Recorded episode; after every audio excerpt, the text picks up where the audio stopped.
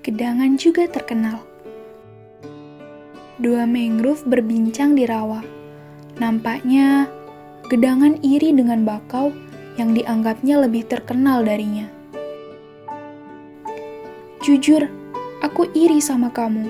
Kalau manusia ditanya soal mangrove, pasti namamu disebut pertama kali, ujarnya.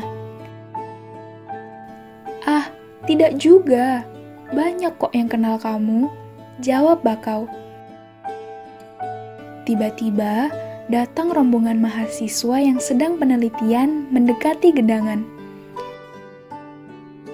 Ini gedangan yang digunakan nelayan menangkap ikan. Bunga wanginya sering dijadikan hiasan, terangnya. Kamu benar, Bakau.